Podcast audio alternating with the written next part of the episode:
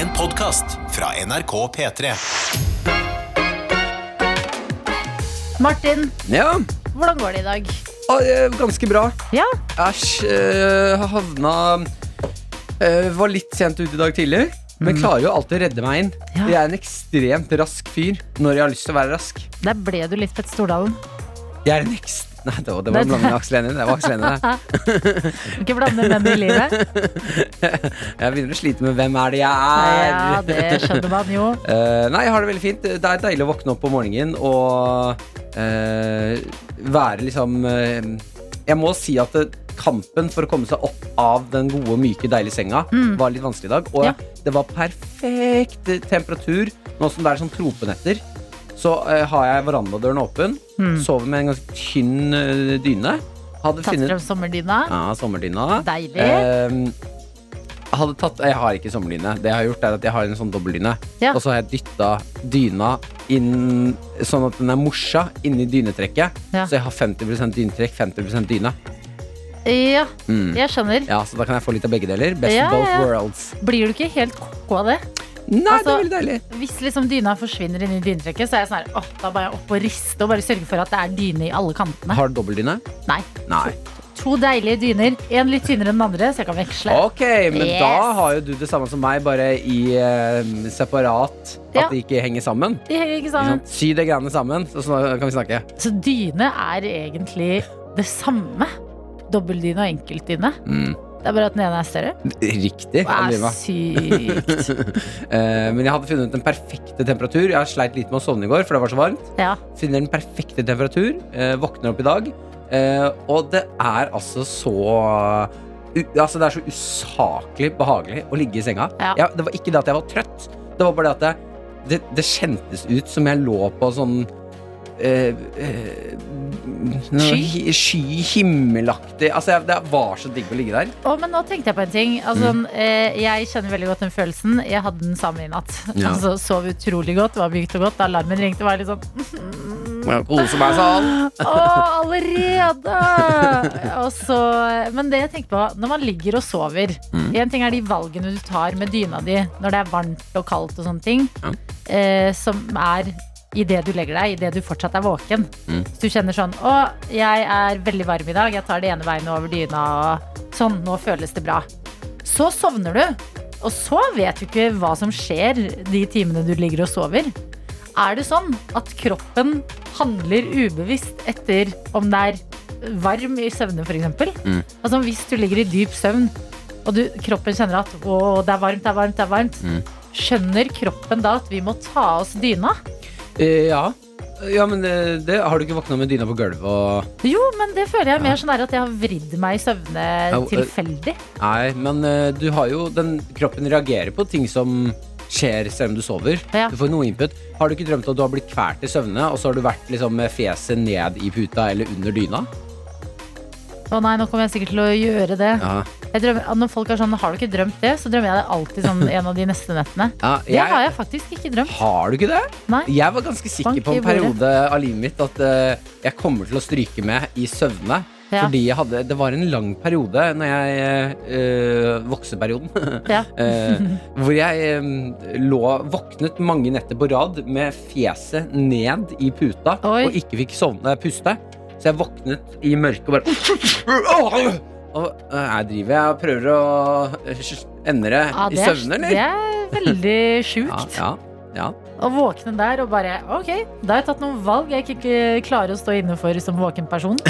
Men jeg har også vært veldig redd i søvne, men det er fordi jeg har søvnparalyse. Å, fy fader, det er så ekkelt. Og det er når du først har fått det, Mm. eh, da er du redd for å legge deg igjen også. Uh, det er slitsomt. Du hadde ikke denne natt? Uh, nei, i natt sov jeg altså så utrolig godt. Bra. Uh, var ute i sola i hele går. Mm. Og når man da kommer inn igjen, og det er litt sånn svalt det er så inne, og du kan en, ta en dusj og legge deg i en myk seng Mm. ah, Det er kanskje beste følelsen i verden. Jeg tror det. Ja. Herregud, tenk at det er sommer. Jeg blir gira. Ja, men vi er på plass, vi. Fredagen. Mm. Den har startet med en god og myk seng. Eh, For begge oss, i hvert fall. Eh, Og vi har jo som alltid lyst til å høre fra dere andre. Dere som er med oss i radioapparatet, f.eks. Mm, hvordan har du det? Står du og lager frokost? Er du på jobb? hvordan har du sovet i natt? Ja. Eh, desse, altså dette er desse, faktisk. Dette er små ting av livet som vi syns er ekte interessant, for da blir vi litt bedre kjent med deg, du som hører på. 1987 med kodeord P3 eller Snapchaten vår NRK P3morgen. Jeg har lyst til å slenge på én ting, og det er hvor er du hen på solbrentskalaen? Mm. Eh, solbrenthet er jo på ingen måte noe vi oppfordrer til her hos oss, men eh, jeg har vært dårlig med å smøre nesa i år. Ja. Så jeg har litt sånn skille liksom akkurat sånn fra der hvor eh, brillene har vært, og på neseveggen og ned, er jeg litt sånn ekstra rød. Så nesa mi er litt solbrent. Og det er litt flaut å gå rundt og være eh, solbrent på nesa, Er ikke det litt deilig, da? Det er litt sommertegn, men det er også litt sånn der Ja, jeg klarte det ikke i år heller. P3 Morgen. Med Martin og Adelina. Vi skal inn i innboksen vår. Da sier vi, Oi. da sier vi er velkommen til tirsdagens Dagsnytt 18-sending. Jeg heter um, Espen uh, Aas. Hva er det du driver med nå, Trine? Ok, jeg har Se for deg 1000 knapper. Jeg har de foran meg. På knapp nummer 14. Du har 15 knapper! Ikke Ja, legg ja, til men- 1000! Nei, for jeg spaker nå. Og vanligvis når jeg gjør sånn her, Ja, da sier vi så pleier den her å komme. Ja. I dag gjorde 1000 ikke det. Det hadde vært gøy om du hadde 1000 knapper. Ja, jeg overdrev bitte litt grann for historiens skyld. Ja, heldigvis er det fredag. Ja. Eh, Tina er med oss, og du Adelina spurte om eh, hvordan går det med solbrentheten til folk. Eh, Tina skriver på Snapchaten vår God morgen. Dere spurte om eh, hvor solbrent folk var. Jeg er rød i hele ansiktet, og jeg har briller. Så da blir jeg seende ut som en vaskebjørn i år òg. Ja. God helg. Hilsen Tina Ballerina. Nei da, det er tidlig på sommeren ennå, Tina. Vi lærer av feilene nå. Eh, og eh, litt aftersun og litt aloe vera, så er vi klare om noen uker. Det hadde også vært gøy om liksom, et eller annet moteikon som Harry Styles stilte opp og bare viste all, hele verden at vaskebjørn-looken er, Ja. det, det er nye i år. Ja, men det føler jeg at eh, solbrent eh, Det er for helseskadelig til at noen liksom lager fashion ut av det. Kritikk, ja. Mm. Vi har fått en melding fra en som vi må sende varme tanker i dag, og det er en sliten Vilde. Som skriver. Hei, god morgen, eller mer god natt for meg. Jeg har sittet oppe hele natta med en medieoppgave som må leveres inn halv elleve i dag. En oppgave jeg selvfølgelig ikke begynte på før i går kveld. Og nå er jeg trøtt, jeg er sulten, jeg er lei. God natt av dere. Håper alle sammen får en fin fredag og en fantastisk helg. Ok, vi backer deg. Dette går fint. Dette klarer du. Ja, altså eh, Du gikk for eh, skippertak, og dette er det man glemmer med skippertak. Forbanna slitsomt. At det er, det er et eh, kjør, og du sitter her på morgenen med sånn blodsprengte øyne og tenker sånn Hvorfor?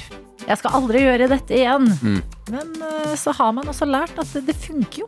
Og eh, ordtaket skippertak det kommer fra gammelt av, når eh, man var ute og kjørte båt som pirat. Og det ble så mye jobb, og så vanskelig jobb, at skipperen på båten, altså sjefen på båten, Mm. måtte ut og hjelpe til å ta i et tak. Så se på deg selv som sjefen for ferja i ditt liv, Ja, og du er den eneste som kan få det til. Du er ferja, og du er også den som styrer den. Og nå måtte dere liksom Ja, men gir ja, det mening? jo, jeg liker det. At, se for deg at du er en yacht, Vilde.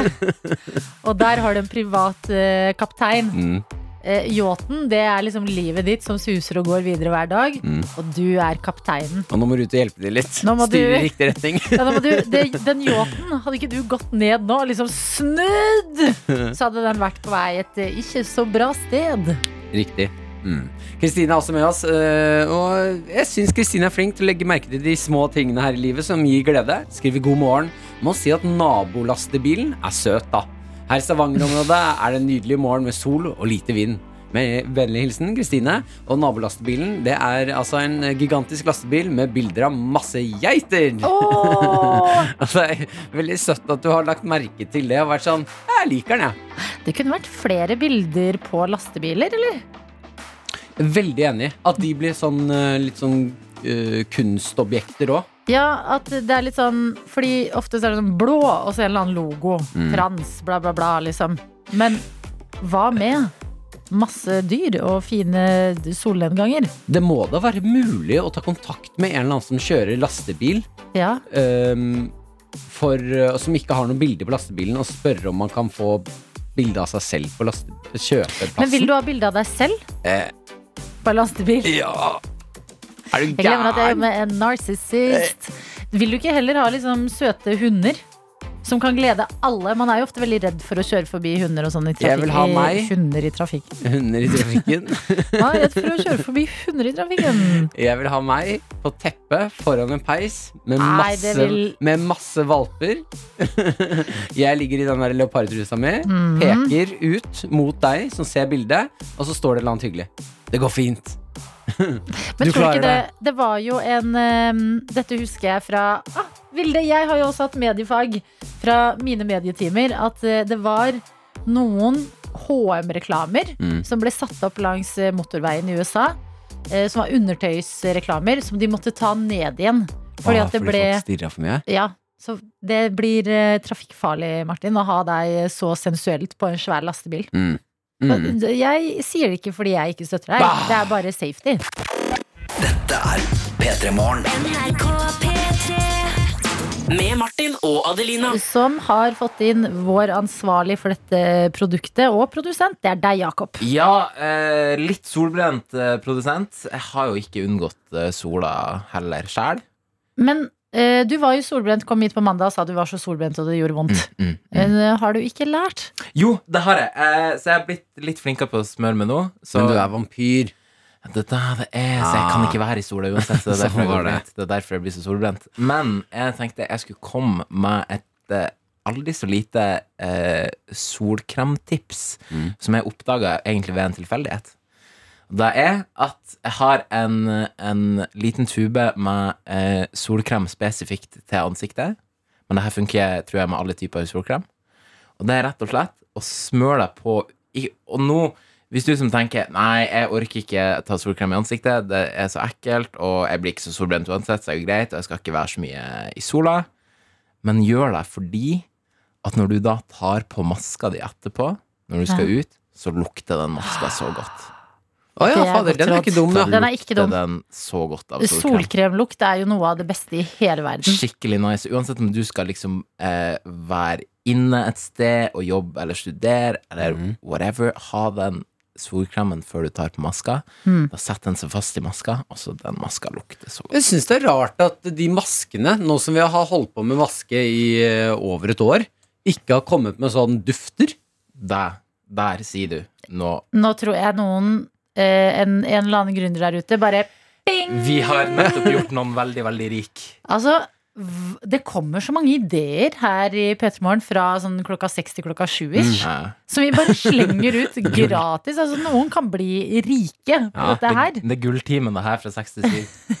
Det er. Gründertimen. Men det er, jeg syns det er et meget eh, godt råd, Jakob. Og da må jo du også lære å følge selv, da, så du ikke blir så solbrent eh, fremover. Absolutt. Jeg gjorde det i dag. Maska, ja, det lukter altså Nydelig. Frihet. Frihet. Dette er P3 Morgen. Med Martin og Adelina Og har du noen ganger eh, tenkt at dette pantesystemet vårt er litt korrupt eh, når det kommer til pantelotteriet? Eh, så må du trå om igjen, for vi har enda en ny millionærvinner. Ja, fader. Altså, det går faktisk an. Og jeg ser det jo, det er jo noen ganger jeg får snap av venner og sånne ting. Mm. Er sånn, uhu, vant 300 kroner. Så er jeg sånn, Hva? hæ?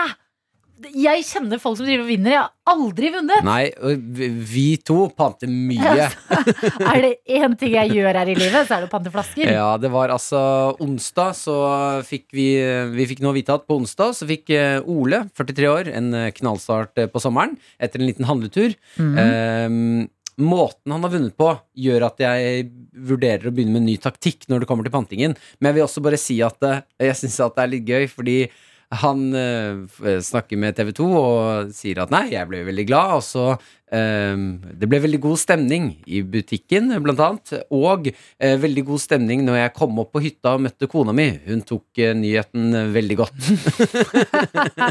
Det er gøy å si å kalle det å bli millionær for en nyhet. Ja, nei, hun tok nyhetene bra, da. Ja. Jeg, liksom, jeg forbinder det med at sånn Ja, nei, på jobb skjedde dette og dette, så nå skal jeg en uke dit. Mm. Ok, ja, hun tok den nyheten greit, men eh, baby, jeg har blitt millionær.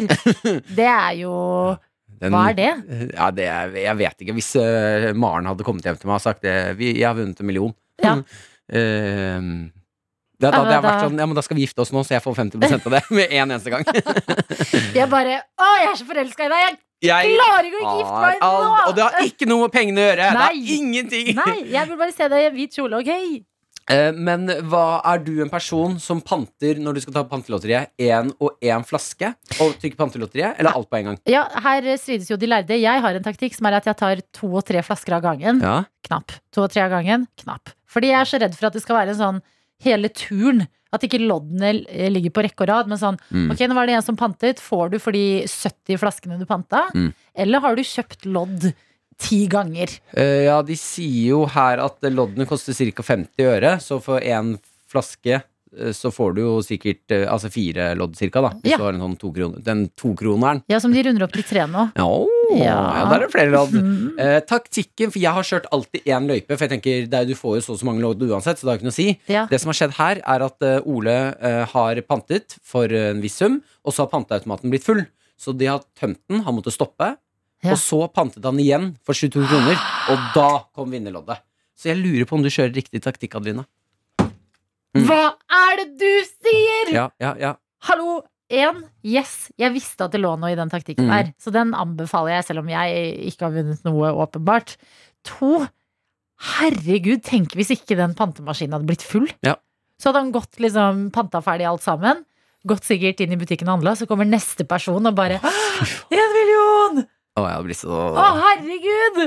Jeg er så forelska i deg. Jeg, har- jeg vet jeg har kommet møtt deg før, men fy faen, du er kanskje det vakreste mennesket jeg har sett. Altså Hvis jeg hadde sett noen vinne én million kroner i pantelotteri på butikken, Mm. da skulle jeg gått rett bort og bare ah, Hvilken parfyme bruker du? Du bare Ta av deg buksa. Ta deg buksa. Jeg, vi gjør det her. Nei, men Gratulerer til denne pantelotterimillionæren. Vi må jo ta håpet ut av det, og det er at det går faktisk an å vinne en million i pantelotteriet. Ja, så det er fader heller pant. Drikk masse i helgen. Drikk, Pant. drikk masse brus! Masse masse store flasker med brus! Mhm. Tre kroner! Fire lodd! Det er, det er nesten seks lodd. Tenk så mye brus man kan drikke med god samvittighet. Altså, det er jo for å bli millionær. Det er for millionen! Det er, det er for å betale lånene vi har. Åpenbart. Det er jo ikke fordi vi syns det er digg. P3morgen. P3morgen. Med Martin og Adelina. Min plan har gått etter planen. Gratulerer, Martin. Det, takk skal du ha. Jeg fikk akkurat en snap fra eh, kjæresten min, Maren, mm. som har tatt eh, bilen vår til jobb i dag. Eh, jeg brukte den bilen her. Eh, jeg har ikke jeg vet ikke om jeg har dårlig samvittighet eller ikke. Jeg syns det her er veldig gøy. Men Maren er ganske stressa akkurat nå. Ja. eh, Fordi jeg hadde den bilen i helgen som var. Ja. Eh, Møtte min tvillingbror Anders. Eh, Han klarte på et eller annet vis å røske av håndtaket på bilen min. I passasjersetet. Eh, Røske av håndtaket i bilen din, altså sånn fra utsiden Fra utsiden. Han skulle inn i bilen, Ja. tar tak i håndtaket, drar til. Da løsnet hele håndtaket. Altså, er, du, er tvillingbroren din hulken? Ja, han er ganske sterk. Det, altså, er ikke de laget for at de skal bli dratt i og åpnet? Jo, men så så vi at uh, her er det et eller annet rart som har skjedd. At det kom noe vann inni der, så den skrua har rusta litt. Grann. Eh, dårlig opplegg. Jeg skal ta den med bilforretninger. Mm. Ja. Uh, men uh, det vi gjør da, eh, er å bli enige om at vi putter den tilbake så mye det lar seg gjøre, sånn at den ser helt fin ut. Neste som tar i det håndtaket nå, kommer til å få en overraskelse og tro Ja. at det er dens feil. Ja. Jeg fikk akkurat en snap fra Maren. Nei, du, du er fem år. Hør, hør, hør her. Hallo, Martin. Det var ikke meg, men jeg skulle åpne døra på passasjersiden. Og så falt den ene delen av, og den er løsna fra bilen. Men det var ikke meg. Jeg er ikke så sterk. Men den var ødelagt. Det var ikke meg. Unnskyld. Stakkar! Men jeg må si til altså, sånn, Det høres uh, veldig ut som det er henne, men hun later som det ikke er det. Ja, men hun tror at det er hun! Ja, ja, men det var ikke meg. Det var ikke meg. Ja, Det er en sånn blanding av sånn herre Ok, tror du det var deg? Tror du ikke det var det? ja det Men hvor, hvor onde er dere? Altså, ødelegge bil er den største angsten. Det er jo én del koster sånn 7000 kroner på på det beste i verden å putte ting tilbake når du har ødelagt den, og bare Neste versjon, så ta på den! Få skylden! Ah, du sitter bare og venter. Og når det går så smooth. Ah, for et liv. Martin og Adelina ønsker deg en god P3morgen. P3morgen. Ja, jeg har oppdaget noe nytt, eh, litt sjokkerende med min egen kropp, eh, som jeg fikk eh, vite Som jeg fant ut at i går var sant. Altså, men noen ganger oppdager man litt nye ting med kroppen i en alder av 28. Ja, ja, men det er jo kjempefint, det. Ja. Eh, for å finne ut eh, Altså, jeg skal forklare eh, opptakten til dette her, for jeg måtte stille min kjæreste et litt intimt spørsmål om meg og min kropp. Opptakten til det, det kan jeg takke Sigrid Bonde Tusvik og Lisa Tønne for. ja. For det var vel for en Ja, for den helgen nå som var, så kunne NRK melde at uh, de to har laget ny russelåt. Eh, Come Together. Come Together, den kan vi jo høre et uh, bitte lite utdrag fra. Mora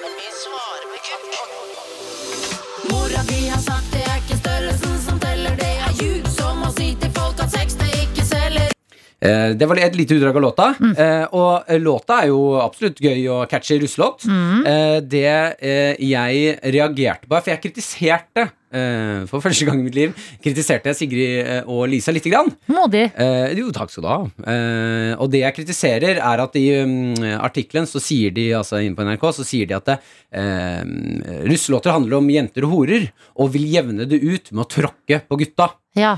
Eh, og jeg er veldig enig at uh, russelåter og uh, altså den musikkdelen vi har av verden der, den handler veldig mye om liksom I kveld er det lov å være hore. hore, litt voldtekt, altså, å, og framstille jenter som Unnskyld språket, men liksom knulledukker. Ja. Eh, og det er jeg veldig enig i at det må vi få en stoppe for. Mm. Eh, men det at Sigrid og Lisa da går ut med å si at eh, vi skal gjøre det ved å tråkke på gutta, Mm. Det mener jeg er eh, Mener jeg personlig da er en litt sånn farlig sti å gå ned. Mm. Eh, det å skulle liksom ta et annet kjønn for å dytte det andre opp, eh, det handler Altså, det er um, Kanskje ikke det s- sånn du ser på likestilling? Nei, for, for meg så handler det, det Den beste taktikken her er jo da å lære gutta at dette må vi kutte ut med, Mm. Uh, og ikke lære jentene at dette kan dere også gjøre. Gjør dette tilbake? Ja, for da blir det du er stygg mot meg, da er jeg enda styggere tilbake, og det skaper bare større avstand mellom kjønnene, større avstand mellom likestilling. Mm. Eh, altså det er et dårlig steg i, i eh, feminismen, da, og jeg, jeg skulle ønske at vi heller gikk den andre veien. Lære gutta at ikke gjør det her. Altså, kanskje bare ikke denne tematikken i låtene generelt. I russelåtkategorien. Ja. Jeg la i hvert fall ut eh, et innlegg på Instagram min om det, eh, hva jeg tenker. Mm. Eh, Og det førte til at eh, i går kveld eh, kunne jeg høre eh, Sigrid og Lisa på sin podkast. Mm. Ja, komme med noen teorier om hvorfor jeg har blitt som jeg har blitt når jeg kritiserer dem. Ja, Eh, Og det er gjerne da, det er den siste teorien til Sigrid. ok, fordi eh, det er flere teorier. Ja, Hun kom med tre teorier. En at jeg kritiserer dem fordi jeg står opp tidlig og er sur. Eh, Som er eh, eh, jeg, jeg, det, er forståelse som er viktig Ja. ha, fordi vi står opp tidlig og er litt Ja, sure noen ganger. At jeg ikke spiser frokost. Ja. Og det gjør jeg ikke heller. Eh, og den siste teorien hennes, det er den jeg biter meg merke i, som jeg ble litt sånn Hm, er dette her sant, egentlig? Vi kan jo høre hva hun sier. Men jeg føler at den siste teorien min er den beste. Hva er det? Han har kanskje liten tiss. Ja. Sigrid mener at jeg kritiserer låta deres eh, fordi jeg har liten tiss, og at jeg ikke har hørt låten. eh, fordi de sier jo mora di har sagt at størrelsen ikke teller. Det er ljug. Så jeg føler meg krenket. Ja, ja. Og så må jeg jo da ta dypdykk i meg selv. Kan det ligge noe i det her? Ja. Eh, da er jo den eh, nærmeste personen jeg kan spørre om har jeg liten tiss, som jeg får et ærlig svar fra, det er min kjæreste Maren. Så jeg spurte Maren i går kveld syns du jeg har liten tiss. Uh, Maren, eh, har, jeg, har jeg liten tiss? Ja. Det, ja, ja, det har du. Ja. All right. Men den, eh, den funker, den. Å ja, ja, ja. Ikke størrelsen som teller, vet du. Å, kom her, da! Kom her, da! Nei, au, au, au! Det er, det er etablert, folkens. Martin Lepperød har liten tiss. Martin Lepperød har liten tiss, men herregud, det, Sånn er jo livet, da. Sånn er livet. Eh, og jeg står sterkt i at uh, den tissen den er, det er en ekstremt velfungerende tiss. Ja. Og jeg vet det er, folk, det er flere folk der ute som meg, med liten tiss, som, hvor tissen er helt, eh, funker som bare rakkeren. Altså, det, det, liten tiss Ja, ok. Ok, Skal man ikke elske seg selv for det man er uansett? Ja, jeg er fint, det. Du liker det du ser når du ser deg i speilet. Den lille kinaputten der, den er jeg glad i. P3 Morgen. Med Martin og Adelina. Vi må prate litt om Kate Winslet, som har fått eh, ganske mye oppmerksomhet denne uka her. Hun har jo eh, spilt i serien Mare of Easttown, som har gått på HBO. Fått kjempegode anmeldelser. Virker som folk elsker den. Jeg har dessverre ikke sett den ennå. Ja. Eh, Men denne uka her så har hun vært i media pga. noe annet, og det er eh, nettopp da redigering og retusjering av bilder på eh, plakater i forbindelse med denne serien, og ikke minst også noen scener i serien. Ja. Eh, Det viser seg at eh, eh, noen som har jobbet i serien, har ved en anledning prøvd å redigere bort en det jeg vil kalle en bitte, bitte liten bulk på magen til Kate Winslet. altså, sånn som magen blir når man bøyer seg litt fremover og sånne ting. Eh, og tenkt at det ser bedre ut å fjerne den fra en sexscene. Eh, og da har eh, Kate Winslet eh, sagt det, det våger dere ikke. Sånn, det, ikke Ah, prøv dere engang. ja, bra! Ja, og det er jo veldig kult, fordi Kate Winslet er jo en megasvær filmstjerne. Spilt i store filmer som Titanic, The Holiday, sikkert veldig mange andre, men hun er liksom i det kaliberet, da. Mm. Og ha- har blitt intervjua i forbindelse med det her, og sier sånn eh, det er viktig for både hennes egen del å liksom prøve å eh, ha et realistisk forhold til hvordan hun ser ut idet hun blir eldre.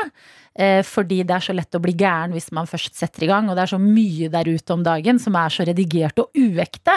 Og grunnen til at hun tror da at veldig mange har blitt eh, glad i karakteren hennes i den her Mare of Easttown, det er nettopp fordi hun er veldig vanlig, og folk kan relatere til henne. Mm. Det er litt rynker rundt øynene, det er kanskje en bulk her og der.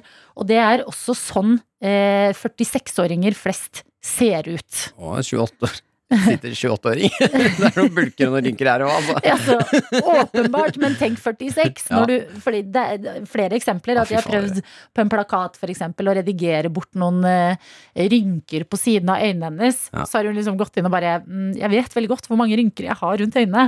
Ja. Dere, dere trenger ikke å fjerne de, og liksom stått litt i den kampen, da.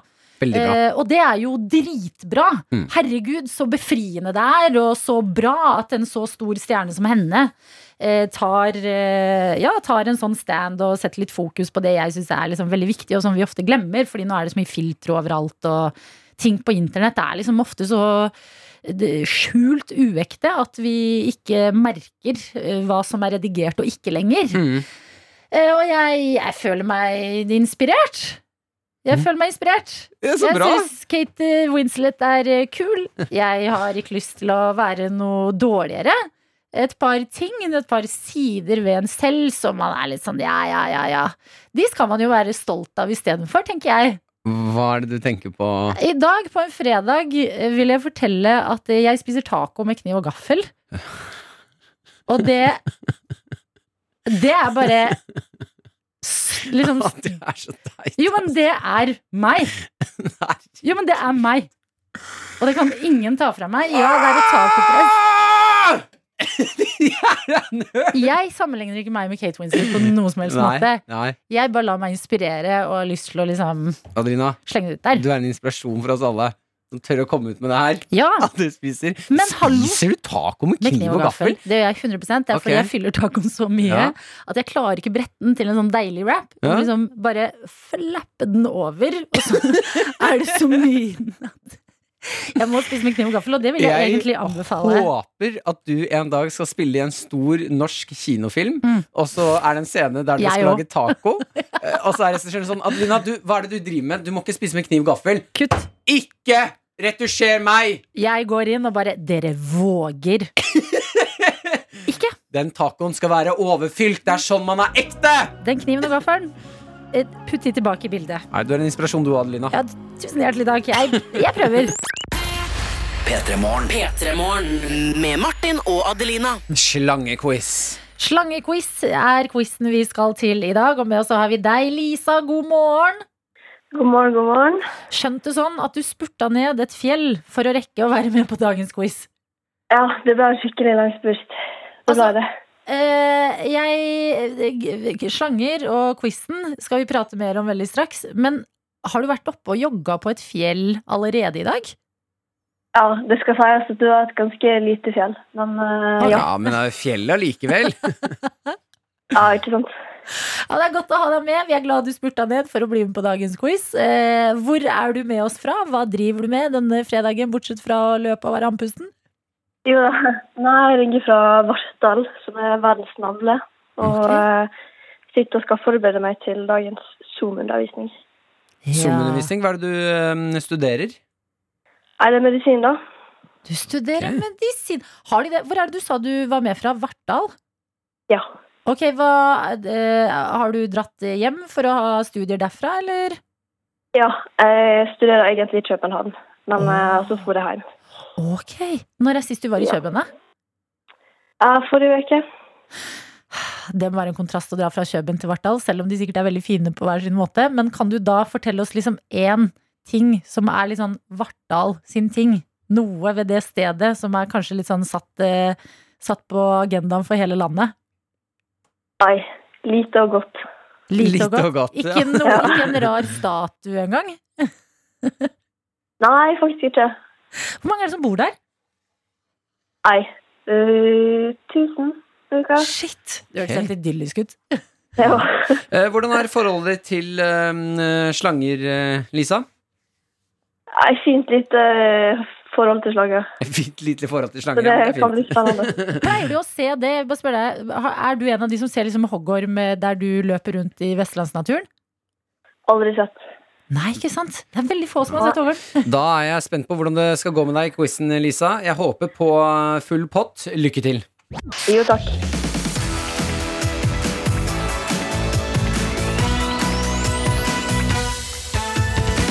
Eh, første spørsmål lyder som følger. Hva het det populære mobilspillet på Nokia 3310? Er det må være Snake, da? Det er helt riktig. Et poeng. Ja, starter enkelt og greit. Uh, da er det bare å spisse ørene, for jeg spør deg, Lisa. Hvilken film er dette her, klippet her fra? Enough is enough! I have had it with these motherfucking snakes on this motherfucking plane! Oi. Mulig å få noen hint her. Nei, du, det var nok hint i lydklippet, dessverre. Altså, selve, eh, selve filmen er ikke så annerledes i tittelen fra det sitatet vi nettopp hørte. Nei, jeg er helt blanke. Det er Snakes on the Plane. Har du ikke sett den? Nei, jeg har ikke det. Har du hørt om den? Nei. Nei. Vi begynner å bli gamle. det finnes tre slangearter i Norge, Lisa. Det er hoggorm, bueorm og Hvilken er den siste? Hoggorm, buorm og Og det er altså slettsnok eh, som var riktig svar der. Og det betyr at herfra ut, Lisa, så må alle spørsmålene ha riktig svar for at det skal bli kopp i dag. Yes. Hvorfor inneholder slangens endetarm små, spisse tenner? Er det fordi den ofte sluker byttene sine hele og trenger noen ekstra tygg mot slutten for å fullføre prosessen? Eller er det fordi avføringen ofte må tygges i stykker grunnet at slangen har et bitte, bitte lite rumpehull? Eller det er ikke tenner der, dette er et lurespørsmål. Nei, jeg tenker jeg går for det siste. At det er et lurespørsmål? Ja. Og det var bitte små rumpehull, da. Men det er helt riktig, det er et lurespørsmål. Du gikk ikke på den. Vi er tilbake på riktig sti. Yes. Hvilken artist er det som synger Skjønte at mange broer må brenne, så, så alle er ikke venner. Fy faen, fy fy faen. Alle de er snakes, så det er helt normalt. Fy faen, fy fy faen. Hakeem. Det er helt riktig. Mm, skal vi se her um, Nå har jeg hoppa Ja, Eh, ja, der, ja, jeg har et spørsmål igjen. Her var det. Mm, mm, mm. Hvis noen på gata kaller deg en slange, hva betyr det? Oi. um, at du er sleip. Sneaky. Det er riktig! Ja, gratulerer, Lisa. Du dro det i land. Det var en litt eh, krøkkete start, men henta det fint inn igjen. Ja, det viktige er det spennende, vet du. Du, du hjelper til med det. Takk. Altså, spenningen var på topp. Jeg var litt bekymra, og derfor var det ekstra deilig at du fikk denne koppen. Eh, Så gratulerer med den. Å få den på en fredag hvor du allerede har vært ute og eh, jogget før klokka har blitt åtte, det må jo være tidenes start på morgenen. Ja, jeg tenker dette blir en god dag. Hva skal du resten av dagen? Eh, nei, det blir seks timer undervisning. Og så blir det heldigvis noe hygge med venner senere. Ja, for du har en eh, lokal pub. Nei, man skulle tro det, men uh, jeg får se hva det blir. Men har dere lokalpub i Vartdal? Nei, vi har nok ikke det. Å, Fy søren, Hva Vartdal. Gjør hva, mm, Ok. Martin bare hæ? Hva gjør folk eh, da? De er ute i naturen og koser seg, Martin. Veldig bra. veldig bra Lisa, takk for at du var med på quizen vår, og ha en fin fredag videre. Ha det. Ha det godt. P3morgen. P3 Morgen. Med Martin og Adelina. Er det ikke kul?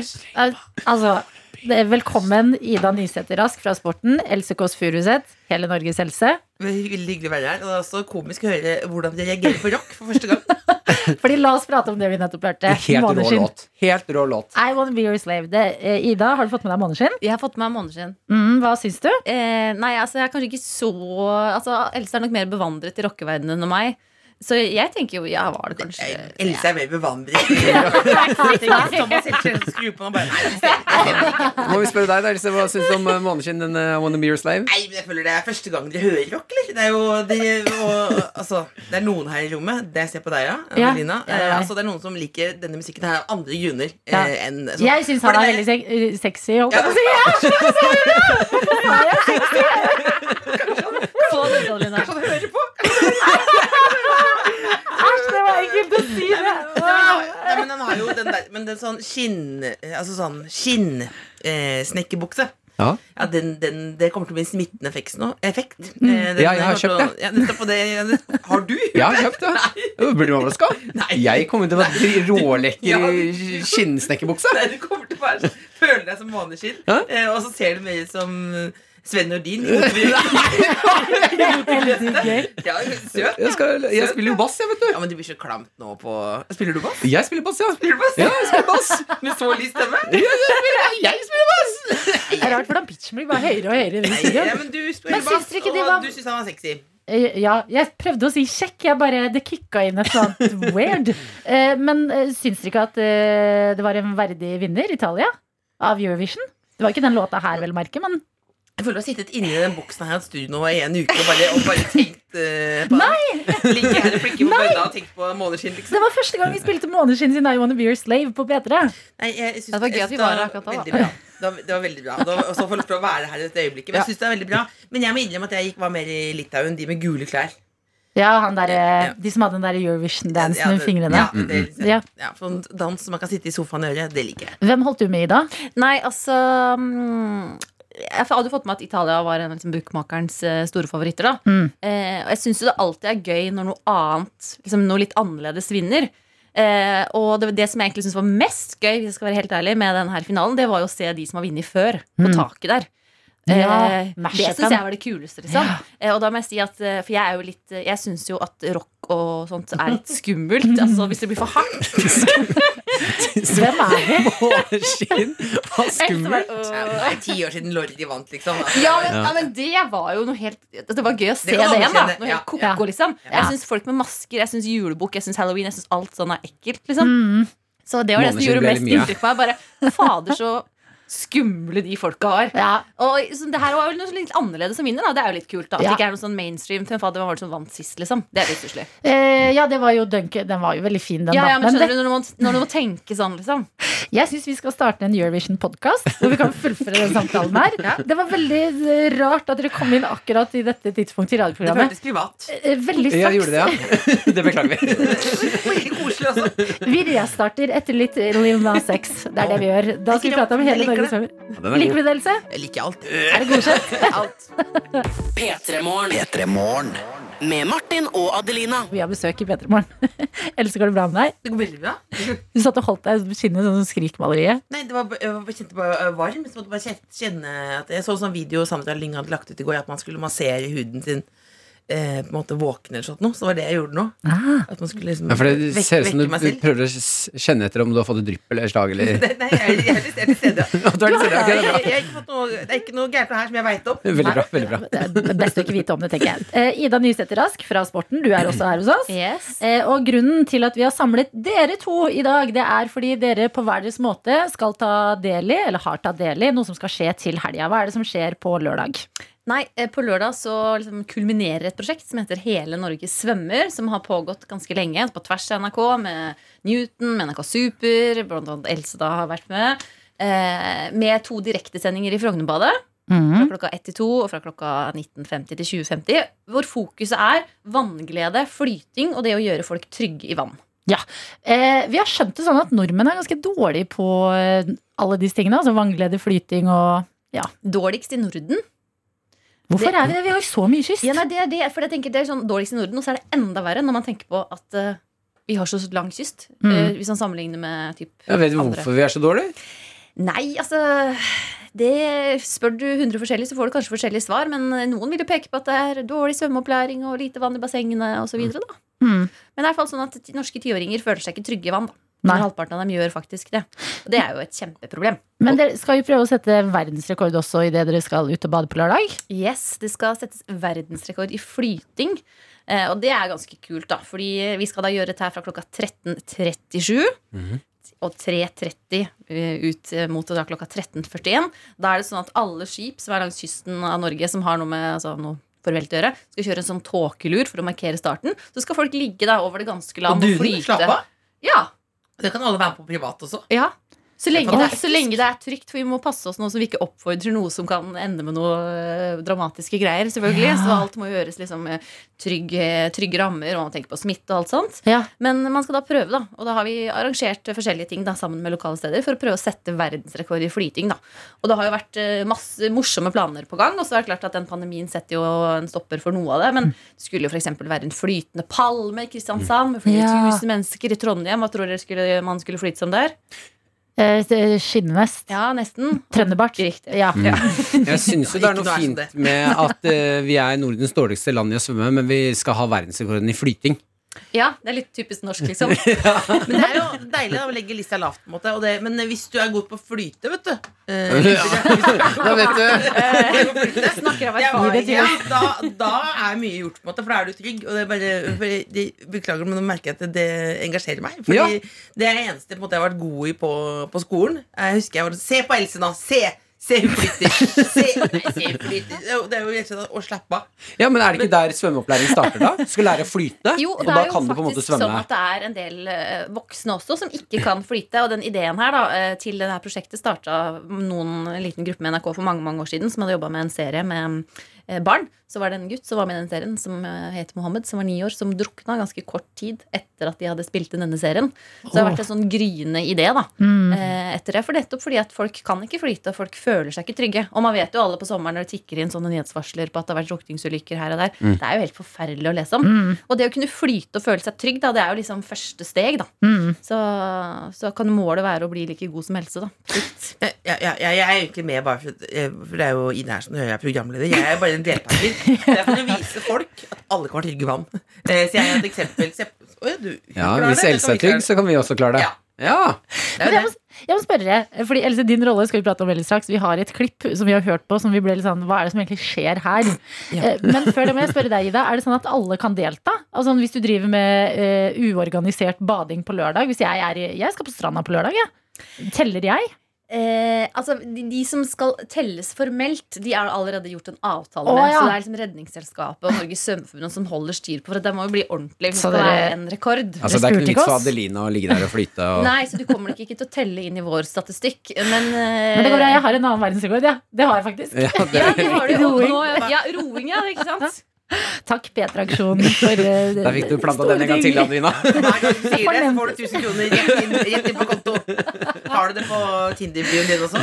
Eh, nei, vet du hva, jeg snakker altfor sjeldent om verdensrekorden eh, min, men nå fikk jeg Hun gjort er ikke det. det. hun er ikke det Dette er P3 Morgen. Med Martin og Adelina. Vi prater om noe som skal skje i morgen, og det er Hele Norge svømmer. Som er eh, et eh, altså, eh, arrangement som skal sette fokus på at eh, vi er litt dårlige til å svømme og flyte her i Norden. Og så skal vi prøve å slå en verdensrekord i samme slengen. Yes. Eh, opp mot det her som skal skje i morgen, så har det også vært eh, en serie som du har vært med i, Else. Du Ja. og Lars Berrum, blant annet. Svømmevenn. Mm. Eh, det handler jo da Det er forskjellige ting man, de ulike episodene handler om, men vi handlet om ja, livredning. Ja. Eh, og jeg har alltid tenkt at, eh, hvis man, hvis man at hvis jeg kommer til en situasjon, så vil jeg få uante krefter. Eh, altså det kommer til å ordne seg. Men så prøvde vi å se litt nærmere på eh, hva, hvordan du kan forberede deg. På, før du går på trauma. Ja, fordi vi har et klipp eh, som vi skal høre fra deg og Lars Berrum, og n- noe plasking. Ja. Og så skal vi debrife dette klippet etterpå. Så hjelper du til litt til, Lense, så er oppe.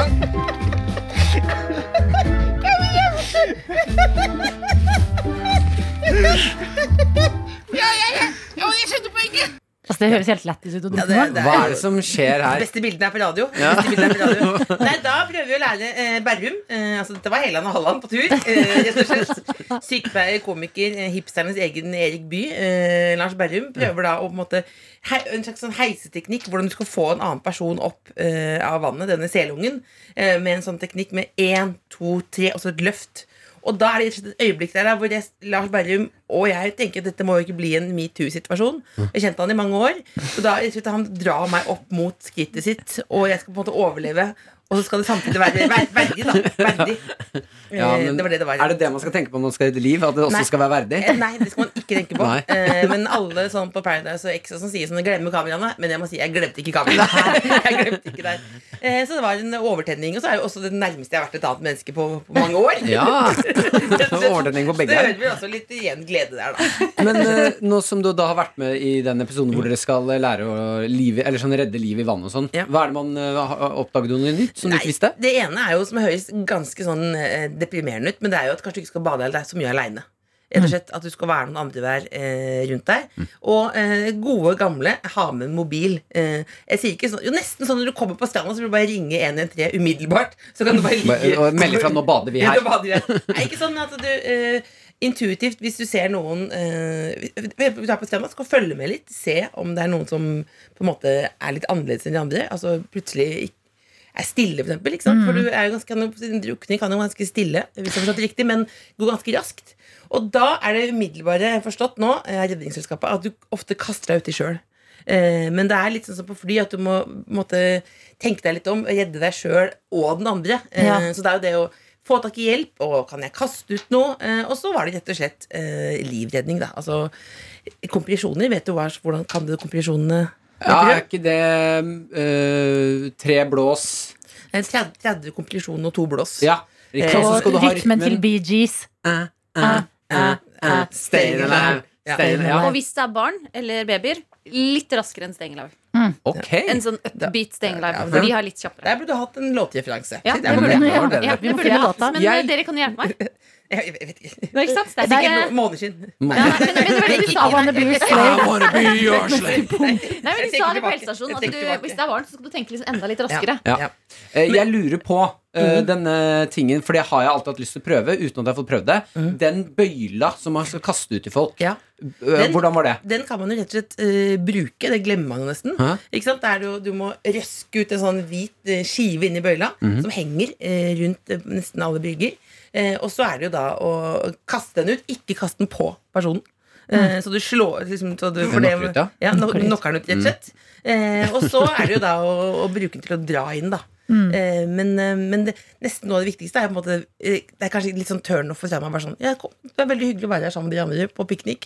Jeg skal ha en liten risikoanalyse. Men det er jo det å se om den finnes. Eh, og ikke minst da tilkall hjelp, da. Eh, Ja. Altså for eksempel det at noen Altså, Jeg har vært på sånn livredningskurs først, eh, før en gang, og det var jo litt sånn deprimerende. For da sa de sånn Det dummeste du kan gjøre, Else, det er å bo aleine.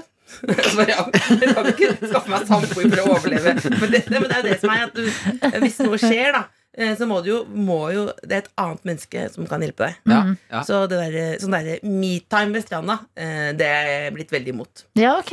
Jeg skjønner. Ja, men det Og så er er det jo ofte det kombinert med alkohol. Da. Det er jo, det er vel, hvis det, jeg vet ikke om det er riktig, men det er ganske mye av de ulykkene som skjer på en brygge i forbindelse med at du er på en snurr, liksom. Så da bare pass på vennene dine. Jeg syns det er et godt råd. Ja. Altså, det høres jo ut som du faktisk har lært noe, og det kan jo også du som hører på lære gjennom å se f.eks. Svømmevenn, eller se på Hele Norge svømmer i morgen, som var eh, når klokka igjen i dag. 1 til 2, 1950 til 2050. P3 Morgen. Med Martin og Adelina. Hvite menn som pusher 50. Her er stemmen eh, renset, Else. ja. Og det er du også, Ida Nysæter Rask. Dere er på besøk eh, hos oss i dag fordi du, Else, har sammen med andre folk vært med i en serie som heter Svømmevenn. Eh, mens du, Ida, du skal lose oss gjennom eh, det som heter Hele Norge svømmer i morgen på NRK1 Mhm. fra klokka ett til to. Yes. Yes. Og kvelden 1950 til 2050. Frognerbadet. Kjempeshow. Garden. Sykronsvømmere. Du kan ikke si kjempeshow. Sånn. Ja, du må si kjempeshow! Ja, men er, er det ikke bedre å liksom uh, Altså, ja.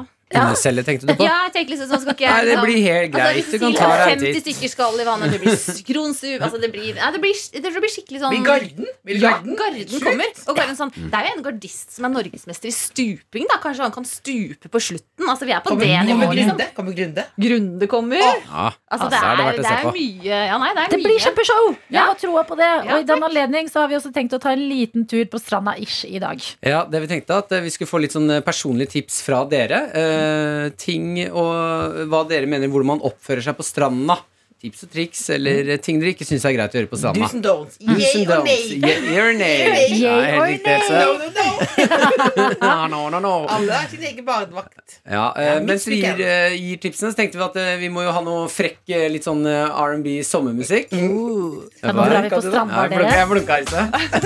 Åh, Litt tur ned på stranda. Vi sitter i sommeren, det er sand mellom tærne, og vi har havet så langt øyet kan se, rett ved siden av oss. Ida, vi kan starte med deg. Do's and don'ts. Har du noe til oss? Ja, Problemet nå er at mens vi sitter her og ser utover utsikten, så klarer vi ikke å nyte den fordi vi er så opptatt av det paret som kliner noe helt voldsomt ved siden av oss. Er det innafor å mene at det kan være litt forstyrrende? At tafsing og klining egner seg best eh, hjemme? Det må det være rom for, mener jeg. Jeg har vært på seminar og lært om motstand. Det må være for det!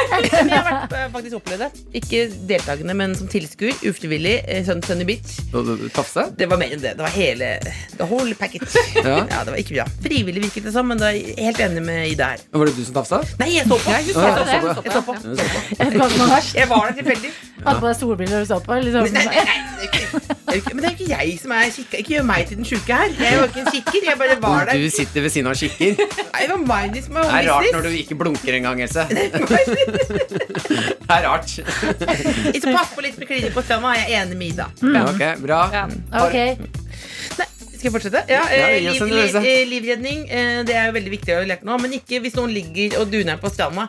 Ikke gå umiddelbart bort og dundre på med kompetisjoner. Det kan bare være noen som ligger og chiller'n og duner. Eh, og noen er jo rett, ligger jo i sol. Altså De ligger i en slags sånn sjøstjerne da Mm. og bare slapper helt av. Så ta og rop litt sånn hei før du begynner eh, før du begynner livredning. Spør, spør før du begynner kompresjoner. Så ubehagelige situasjoner. Får jeg din aksept for å begynne kompresjon? Ja, eller ja, eller rope. Da, du må rope. Ja. Ja, ja. Jeg syns det er et veldig godt eh, tips. Ja. Mm. Faktisk. Det er ikke alle som ligger og slapper av på stranda, stranda som trenger eh, kompresjoner og Men hvis de trenger det, så vi håper at Else er der. Ja. Jeps. Eller noen andre enda mer Eller komfortable. Lars. Ida, du hadde et eh, bleietips til oss. Ja, altså Det høres jo litt sånn der småbarnsslitsomt ut. Men eh, jeg fikk da et eh, tips fra en venninne. Eh, Fordi mange irriterer seg over hvis man er aleine på stranda, eller noen andre er det, så spør sånn Du gidder du å passe på telefonen min og klokka, og så blir du borte kjempelenge, og så kan jo ikke de andre gå og bade, for de har tatt på seg å passe på sakene dine. ikke sant? Ta med deg en ubrukt bleie. Pakk verdisakene inn i det, så det ser ut som en brukt bleie. Ingen vil gå bort og åpne det. Nei, altså, Oi, det syns jeg er best på radio, var det ikke den som Nei, men det, men det er sånn der, å, Så det er irriterende å passe på nøkkelen til hun ene single som er på stranda. Eh, og da skal hun i tillegg ha med seg bleier. Eh, og hun ene uten barn skal ha med seg en bleier. just Det in blir case. sårt, ja. Blir sårt, ja. Ja. Nei, jeg syns ikke det er dumt å ha med en, uansett hvem du er i, eller hvor du er i livet. Ha med en, eh, Alltid bleie. En, alltid, alltid ha med en bleie på stranda. Ja, Den bleia, jeg jeg skal ikke bruke den. Det er til nøkler. Det er nøkler og mobil. Er det noen som trenger eh, en bleie? Jeg har med ekstra. Jeg gleder meg nå som barnfri kvinne går ned på Rema og bare Jeg skal ha, jeg en pakke bleier. Jeg. Ja, men altså, det eh, Henger ikke det og tamponger og bind og sånn med i sånn samme pakke? At du får sånn stempel på et kort? Helt sikkert. Helt sikkert. jeg syns dette var et godt råd. Ja, det er rom med bleier hjemme. ja. Eh, Jeg, jeg, eh, sjekking på stranda. Eh, Jeg har sett flere kompisvenner Når de skal prøve å nærme seg kvinner på stranda, så skal de gjøre det liksom diskré for å bare liksom bort til nestemann på, på, på håndkleet der. Og da går de så krabbete bort. Altså prøver snik, sniksjekking.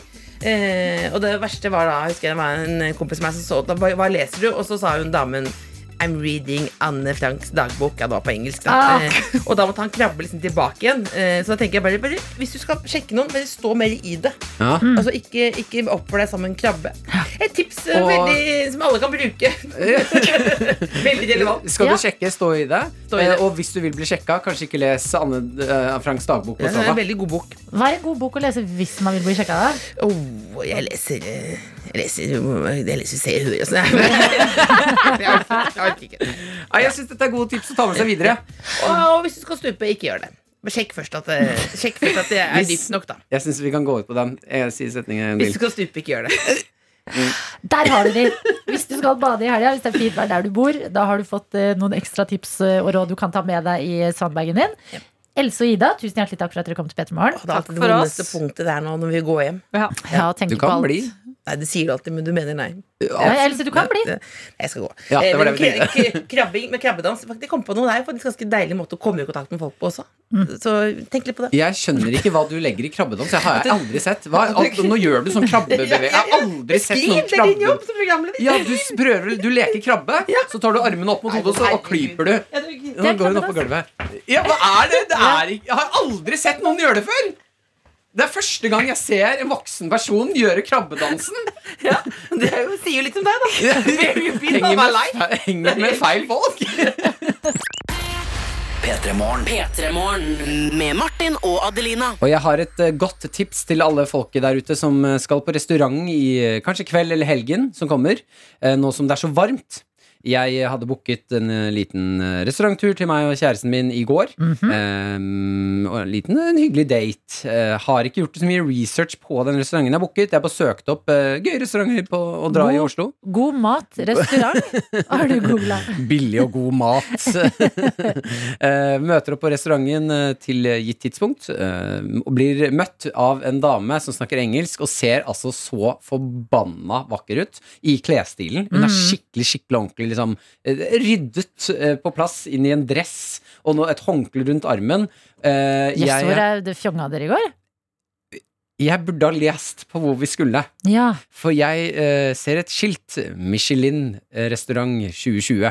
Så jeg har booket oss inn på en Michelin-restaurant. Du sier Ja, ja. Mm. Nei, men det, det hvor, hvor kan du ikke få med deg det? Nei, jeg har ikke Jeg trykket på eh, gode restauranter, fikk opp et forslag.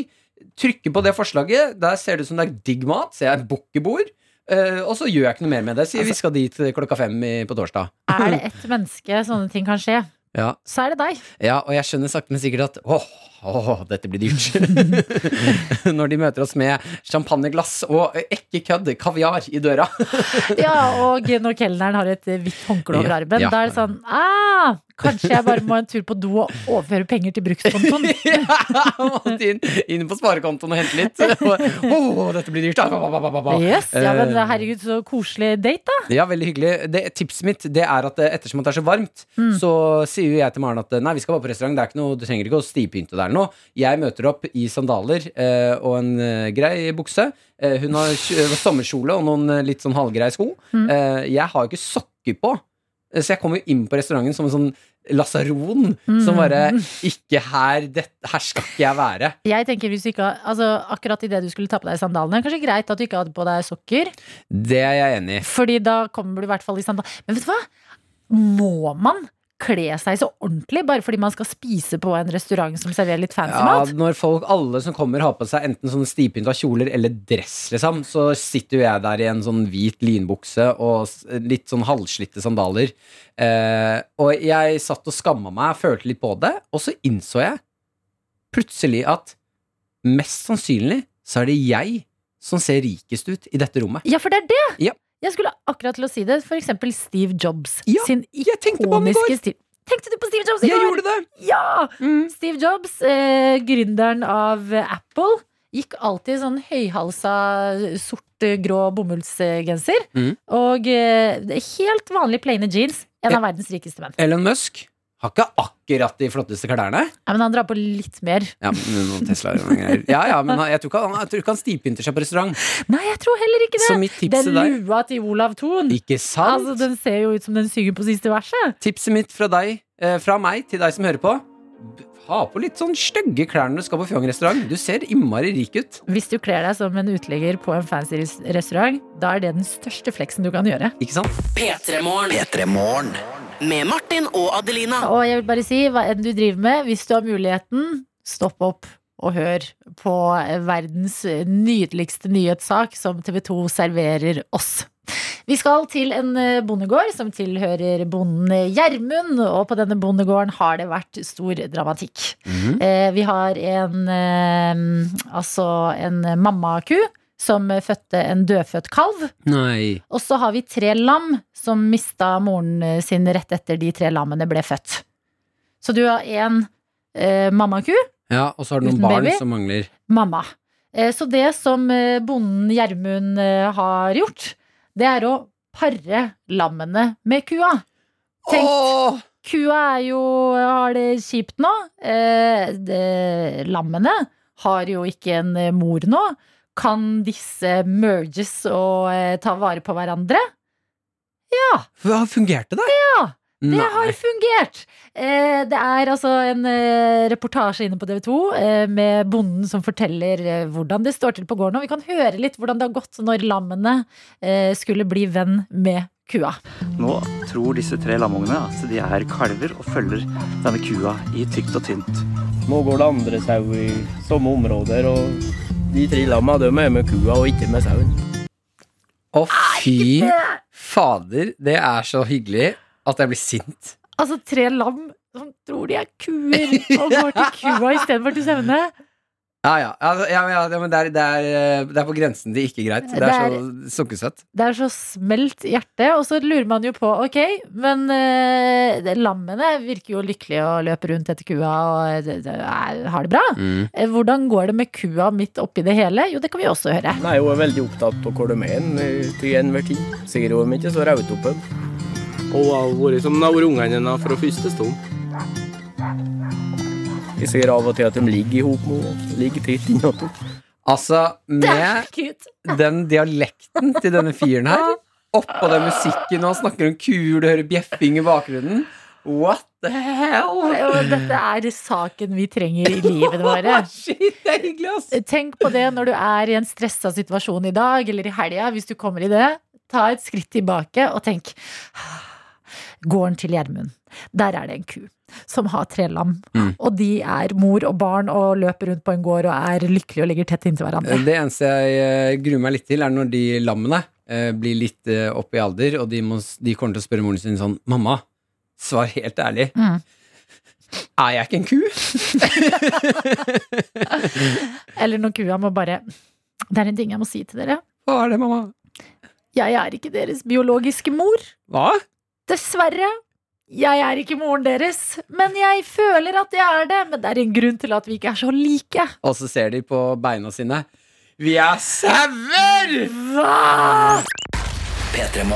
Med Martin og Adelina. Vi skal prate litt om et program jeg gleder meg veldig til at skal begynne å rulle sin gang på TV-skjermen, eh, nemlig Stjernekamp. Ja! Ja, deltakerne ble sluppet i går. Mm. Eh, Jeg syns at dette her lover godt. Enig. Eh, Vi har altså deltakere Selvfølgelig folk man eh, jeg ikke har hørt om. Det er jo mange, Man blir jo kjent med eh, nye personer her òg, på en måte. Mm Men vi har mange spennende folk, som for eksempel Alexandra Rotan fra Keiino. Ja. Skal være med, og det blir jo spennende å se henne uten eh, sine to gutter. Ja. Uh, vi har uh, Fredrik Karina Dom- Dahl. Karina Dahl. Mm. Fredrik Domås. Og så har vi en mann jeg ikke har noe forhold til, men en fyr jeg gleder meg så mye til å se og oppleve, og det er Bjørn Tomren. Ja. Han er 40 år fra Tom, Tomrefjord. Mm. Begynte å lese litt på ham bare for å bli kjent med hvem som skal være med her. Eh, og han er en, en meget spennende mann. Eh, han eh, kommer fra sjangeren i musikk jodling, strupesang, vise og Yes. country. Ja! Ja, han er en eh, norsk eh, jodler. Fordi, kan jeg si, en av de tingene Ja. hadde vært på en måte eksotisk nok Ja, for meg. men han har alle tre. Men det er alt! Jodling, strupesang og country. Eh, han er kjent som Polkabjørn eh, fra eh, jo Ja, det, er, altså, det blir mer ko-ko der. Han er kjent som Polkabjørn fra jodleduoen Polkabjørn og Kleineheine. Hva er, hva er det du forteller meg? Dette høres ut som en eventyrfortelling fra barndommen. Ja, de driver da med egenkomponerte låter med jodling, visesang, eh, um, sånn um, Hva er det det heter? Noe man Instrumentet. Hva spiller instrument? Det man presser sammen! Eh, trekkspill. Trekkspill, takk skal du ha. Fy fader, ass. Eh, jeg ble såpass nysgjerrig på disse to gutta at jeg var og rota litt rundt på YouTube i går, og kom over en eh, låt de har eh, fra 2008 som de framfører live. Og jeg vil bare at du som hører på nå, ta deg en ordentlig lytt, og så må vi bare anerkjenne hvor kult jodling er. Eh, låta de framfører heter Kuku-joddel.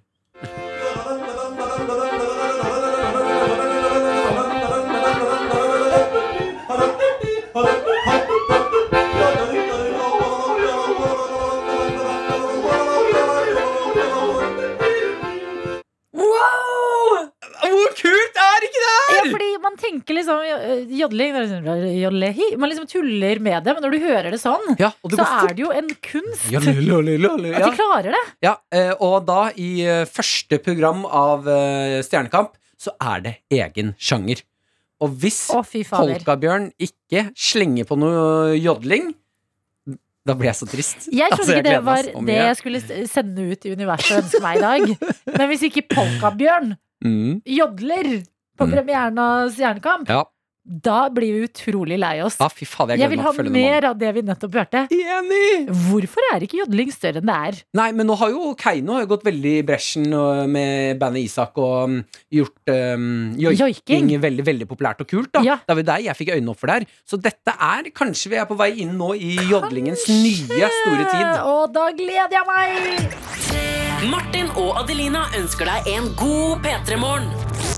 P3 Morgen. Som også har en videojournalist eh, som også er internettets mann, og det er deg, Daniel. Ungdommen er eksperter på PC og data og knytter nyttige tråder til utenlandske stater. Og dermed i dataverden. Verdens beste verden. Det er tulling, altså. Ja, jeg prøvde å ta jodling. Ja, Ja, men det var litt vanskelig. Det var litt vanskelig. Uh, jeg så et kunstverk på internett i går som jeg ble provosert av. Og jeg er en fyr som er glad i kunst. Jeg setter pris på kunst i livet mitt. Så skal jeg ikke bare gjøre meg sjøl til en sånn kunstlig Altså en fjong fyr. Men jeg setter pris på det. Ja, Men i går men du er også ikke en fyr som lar deg lett provosere av ting. Ja, men i går så har kunstverden nådd et nivå som jeg syns er ganske irriterende. Ok. Og det var på en eh, nettside som heter Hypebeast. Der hadde de lagt ut en post om at den italienske, italienske kunstneren Salvatore Garau har akkurat nå solgt en usynlig skulptur for 200 000 kroner. Nei, jeg gidder ikke. Eh, og Nei, skulpturen bare, Det er helt usynlig. nei! Det er ikke lov! Den er helt Det er usynlig. forbanna gøy, Ja. ass. Skulpturen heter da I Am. Det er en skulptur på 1,5 ganger 1,5 eh, meter, altså i diameter. Eh, og, og den er plassert i Milano. Og det er egentlig bare De har, de har laga en firkant da, på et torg i Milano eh, som heter I Am. Ah, Skulpturen. Nei, men er det sant? Det er helt sant. Og i den eh, artikkelen jeg leste i går, så eh, ble det lagt ut La dem ved en Instagram-video som kunstneren selv har lagt ut der han presenterer Eller det er en slags presentasjonsvideo av kunstverket, som både forklarer hva det handler om, og viser det selv. Altså Det er filma i svart-hvitt, selvsagt. På torg i Milano så filmer de da det her kunstverket. Og jeg skal spille av musikken som blir brukt i denne videoen, så dere skjønner at det er, det er pompøse greier. Ja. Og så skal jeg lese opp med kunstneren sine ord hva det her handler om. da Ok, Ok, jeg skal reise meg. vær så god. Okay, Er du Så kjører, Daniel? kjører du det underlaget. Ja. Skulpturen som er installert foran her, over det hvite feltet, heter Buddha in contemplation. Du ser det ikke, men det eksisterer. Det er laga av luft og åndelighet. Det er et verk som aktiviserer fantasiens kraft. En kraft som alle har, også den som tror de ikke har det. Så det er jo store ord, da. Men eh, jeg blir jo litt sånn irritert og tenker sånn Er det her en kunstner som bare har uh, missa en deadline og bare sånn Oi, faen, jeg må finne på noe lurt. ja. Jeg har ikke kunst... Jeg Jeg tegner opp en firkant midt på torget her i Milano, og så sier vi at her er det en skulptur. Du ser den ikke, men Ja, den er der. hvis jeg legger eh, irritasjonen som jeg også mm. føler på, Daniel, Ja, ja. til side nå, mm. eh, så begynner man jo også å lure sånn Ok, du kjøper det kunstverket. Noen har gjort det. 200 000 kroner. Og det står det i den artikkelen nå. De får med et sertifikat som verifiserer kunstverket. At det her er et ekte kunstverk. Men hva, hva, hva Tenk hvis du kommer hjem og så bare mm, Hvor skal jeg ha det? Skal jeg ha det i stua? Nei. Nei. Nei, jeg lurer på eh, La oss se på soverommet. Nei, det passer ikke helt inn her. Sitter rett foran TV-en. Oh. Og når du får Ah. gjester, så bare pass, pass, pass, pass, pass, Pass, pass. Det er contemplating Buddha rett foran deg.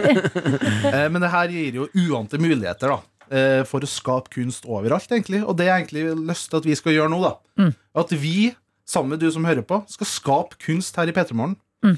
Så for nå, i tre sekunder, så skal vi være helt stille. Og det tomrommet, det skal du fylle med hva som helst. Mm. Hva som helst du, du ser for deg og hører for deg, det får du lov til å fylle. Føler du må ha mer enn tre sekunder? Jeg okay. føler meg fem. Fem, da. Ti sekunder med Mm. stillhet på Mm. radioen. Ok? Det vil Ti- føles som et år, Martin. Ja, det er veldig bra. Det er det som er kunst. Ja. Det heter P3 Betraktende P3 Morgen, heter kunstverket. Ja. Fra nå.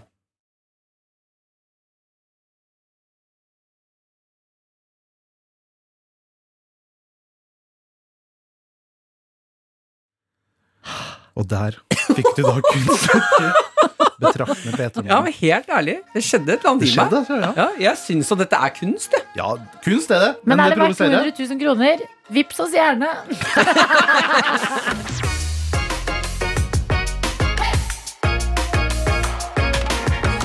Du har hørt en podkast fra NRK P3.